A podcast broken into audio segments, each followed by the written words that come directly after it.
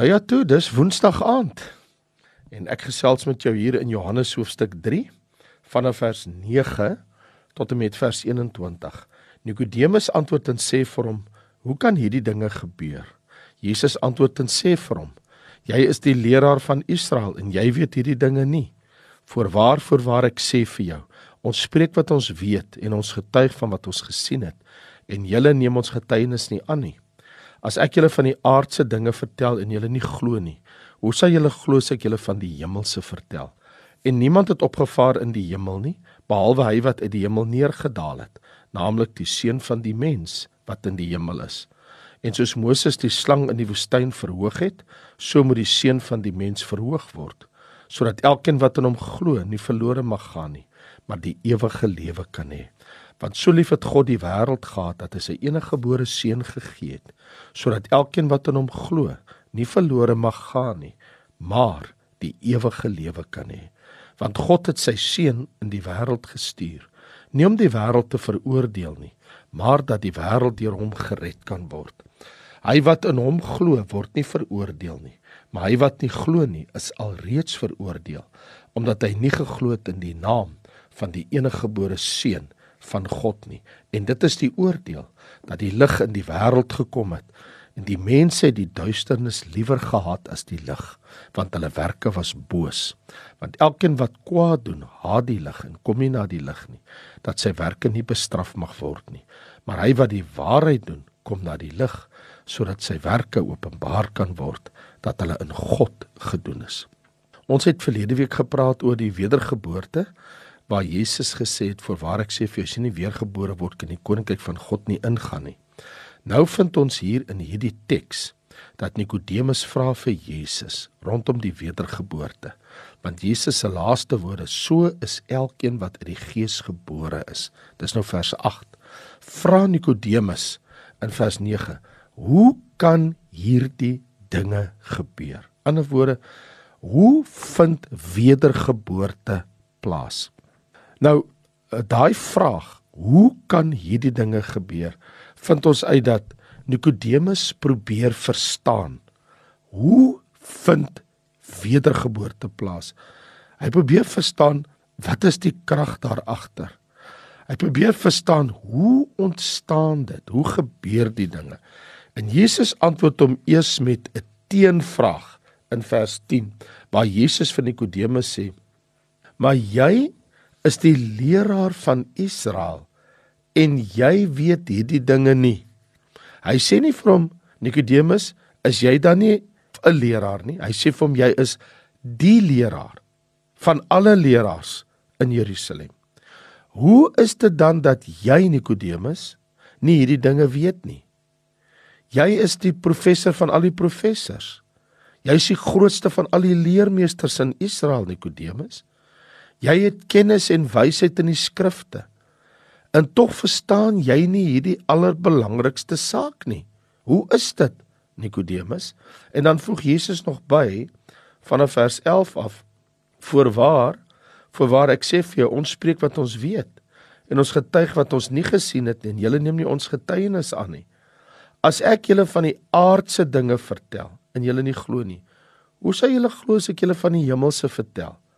Niemand het opgevaar in die hemel behalwe die seun van die mens wat in die hemel is. So wat Jesus vir Nikodemus sê is my gesag kom van bo Nikodemus. Ek het my gesag vanuit die hemel ontvang. Ek kom van die hemel self. En dan gebruik Jesus die groot illustrasie van die kruis, die verbuisterendste illustrasie Hy kies moontlik hier die grootste illustrasie uit die ganse Ou Testament van wat die nuwe geboorte beteken. Die dinamika agter hierdie geestelike lewe. Wat daar in vers 14 en 15 vir Nikodemus sê: "En soos Moses die slang in die woestyn verhoog het, so moet die seun van die mens verhoog word, sodat elkeen wat in hom glo, nie verlore mag gaan nie, maar die ewige lewe kan hê. Nou hierdie woorde van Jesus neem Nikodemus ver terug in die geskiedenis. En die rede hoekom ek dit sê is Nikodemus wat die Ou Testament baie goed geken het, Hy weet dat in Israel se geskiedenis, ek praat van so ver terug soos Numeri 21, daarvan vers 4 tot 9, toe Moses hulle met die volk getrek het uit Egipte land uit, het die siel van die volk op die pad ongeduldig geword. Nou lees ons vers 5, Numeri 21. En die volk het teen God en teen Moses gespreek gesê: "Waarom het u ons uit Egipte laat optrek om in hierdie woestyn te sterwe?" Daar's geen brood en geen water ons siel walg van hierdie ellendige kos. Toe stuur die Here giftige slange onder die volk wat die volk gebyt het en baie mense uit Israel het gesterwe. En die volk het aan Moses kom en sê ons het gesondig dat ons teen die Here en teen u gespreek het. Bid tog tot die Here dat hy die slange van ons wegneem. En Moses het vir die volk gebid. Daarop sê die Here aan Moses: "Maak vir jou 'n giftige slang en sit dit op 'n paal dat elkeen wat daarna kyk wat gebyt is kan lewe. Moses het toe 'n koperslang gemaak en dit op 'n paal gesit. En as 'n slang iemand gebyt het en hy kyk na die koperslang, het hy in die lewe gebly. So Nikodemus dadelik toe Jesus hier praat en sê soos Moses die slang in die woestyn verhoog het. Hierdie beeld in die woestyn is een van beide afgryse en ook van heerlikheid. Enerzijds van vreeslike afgryse, mense sterf in groot getalle omdat hulle deur giftige slange gebyt is. Heerlik in hierdie sin God voorsien genesing en lewe. En Jesus laat geen twyfel oor sy toepassing van die gebeure op homself nie. Hy sê in vers 14 van Johannes En soos Moses die slang in die woestyn verhoog het, so moet die seun van die mens verhoog word. So Jesus maak dit 'n teken en 'n beeld. Hierdie is 'n beeld en sien ons in hierdie beeld 'n sterwende sondige wêreld met die versoenende kruis wat hoog opgelig word. Jesus maak dit 'n beeld van homself. Onthou, Die detail van hierdie analogie, hierdie vergelyking is ongelooflik merkwaardig. Slange is simbolies van sonde. Eintlik is dit die perfekte simbool van sonde. Omrede dit die slang Satan was wat Adam en Eva versoek het om te sondig in die tuin van Eden. Moses het nie 'n werklike slang op 'n paal hoog opgelig nie, wel het hy 'n koperslang gemaak en dit opgelig op 'n paal waar die sterwende mense wat deur slange gepik was, gebyt was, wat hulle kon gekyk het. Die Bybel is duidelik. Ons Here Jesus het vir ons sonde geword. Dit wat 'n slang voorstel. 2 Korintiërs 5:21 sê dat hy het vir ons sonde geword. Galasiërs 3 vers 13 sê vervloek is elkeen wat aan 'n kruishout hang wat opgelig word voor almal as 'n krimineel en hang. Nou uit alle diere en reptiele, lewende wesens op die aarde, kies Jesus die perfekte simbool, die slang. Ons se Here Jesus is op die paal, die kruis opgelig en vasgeslaan met die wêreld se sonde wat hy op hom geneem het. En soos ons sien in Numeri 21 vers 9, as 'n slang iemand gebyt het en hy kyk op na die slang, het hy in die lewe gebly. Hier is die belangrike ding, die kyk van geloof. Nou sê Jesus En soos Moses die slang in die woestyn verhoog het, so moet die seun van die mens verhoog word sodat elkeen wat aan hom glo, wie na hom kyk, en in hom glo, nie verlore mag gaan nie, maar die ewige lewe kan hê. So Jesus sê, wie na my kyk, wie in geloof na my kyk op die kruis, ontvang die ewige lewe, want die gif van die sonde, die slang het jou gebyt. Julle is almal sondaars, maar wie na my kyk, sal lewe, net soos Moses die slang, die koperslang verhoog het en iemand wat gepik was deur 'n slang, na die slang kyk op die paal, het hulle gelewe. So as jy gepik is deur die sonde en jy kyk na my, dan kan jy lewe. Maak nie saak hoeveel keer die sonde jou gebyt het nie. Die geleentheid vir redding, die geleentheid vir saligheid is daar. Kyk na Jesus op die kruis. Die mees gevalle misrabele sondaar kan in geloof na Christus kyk en gered word. Daarom dat Jesus die illustrasie gebruik. En hy sê Nikodemus, jy vra, hoe gebeur hierdie dinge? Hoe vind mense nuwe geboorte? Jesus het jou op 'n manier geantwoord Nikodemus wat jy nooit sal vergeet nie.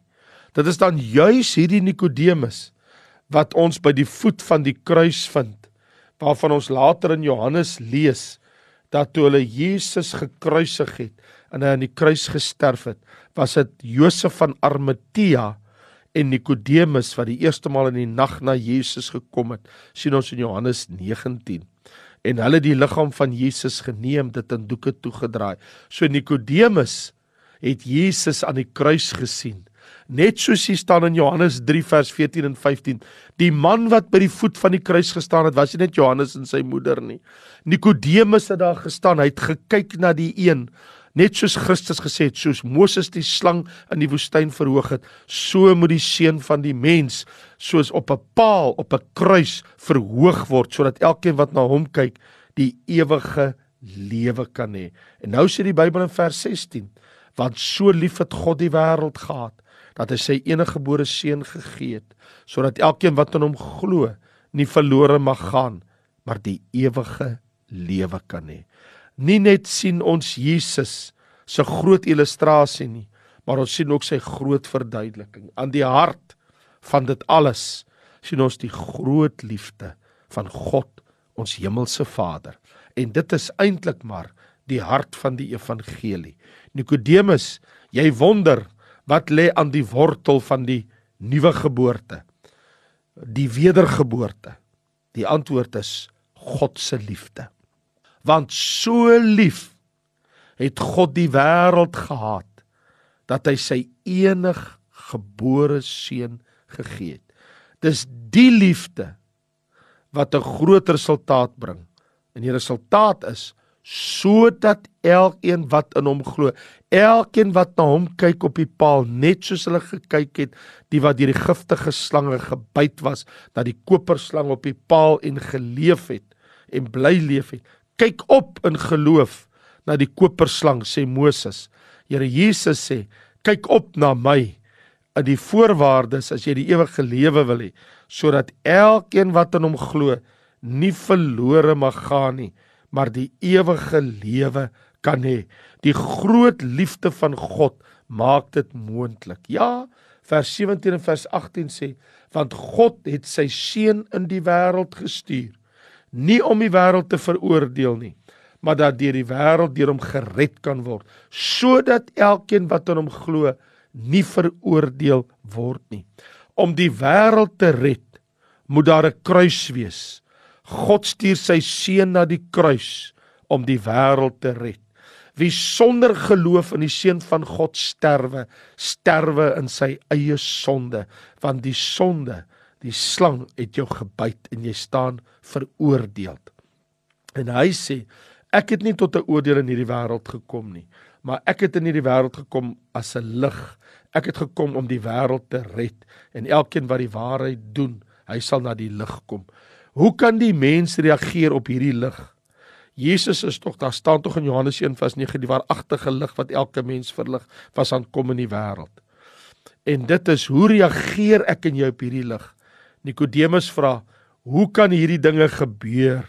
En Jesus antwoord: "Nikodemus, deur die geloof, deur te kyk na die kruis, soos wat die sterwende in die woestyn na die koperslang gekyk het en bly leef het. Moenie na jouself kyk nie. Ek en jy kan nie na onsself kyk en lewe nie. Ons kan nie na ons eie vermoëns kyk nie. Ons kan nie na ons eie werke kyk nie. Ons kan nie na ons eie slimmigheid kyk nie. Ons kan nie na ons eie verbeterings kyk nie. Ons kan nie na ons eie prestasies kyk nie. Ons kan nie na ons eie godsdienstige pogings kyk nie. Kyk na hom. Kyk na die kruis. Kyk net na Jesus. Kyk en glo. Vestig jou oog op hom, jou geloofsoog. staan daar dan nie geskryf in Johannes 1 vers 12, maar almal wat hom aangeneem het, aan hulle het hy die mag gegee, aan hulle wat in sy naam glo, het hy die mag gegee om kinders van God genoem te word. Wie hom aangeneem het, het geword 'n kind van God. Wie in sy naam glo, ontvang die ewige lewe. Wie hom bekeer, wie na hom toe draai, die paal, die kruishout met Christus daaraan, is God se antwoord vir 'n sondige sterwende wêreld. Vir Moses was die antwoord vir die sterwende volk, vir duisende wat deur giftige slange gebyt was. Kyk na die paal, kyk na die koperslang, kyk op en laat jy kan lewe. So kom Jesus en Jesus sê in Johannes 3 Nikodemus, jy vra, "Hoe is dit moontlik? Kyk na my, kyk met geloof sodat jy gesond kan word van jou sonde, sodat jy gered kan word van jou sonde." En waarlik waar, wie kry ons by die voet van die kruis? Josef van Arimatea en Nikodemus. Hulle staan en wag dat die saligmaker sterwe. En Josef van Arimatea vra vir Pilatus mag ons sy liggaam kry en Pilatus gee vir hom die liggaam en hier kom Nikodemus en saam met Josef haal hy die liggaam van Jesus van die kruis af en hulle gaan lê hom neer in 'n nuwe graf. Nikodemus, nou verstaan jy. Jy het gekyk na die kruis. Jy het gekyk na die seun van God. Jy het die ewige lewe ontvang. God is met jou. En ek wil vir jou sê, As jy na die kruis kan kyk, as jy met geloof na Jesus toe kyk en jy vra hom om die gif, die vuil sonde in jou lewe weg te neem, sal jy lewe. Hy sal die gif wegneem. Dit maak nie saak hoeveel slange jy gepik het. Dit maak nie saak hoe vol gif jy is nie. Een kyk na die kruis. Een geloofs kyk na Jesus en jy kan lewe. O Here, ons dankie vir die kruis. Ons dankie vir die kruishout. Ons dankie vir die Christus aan die kruis.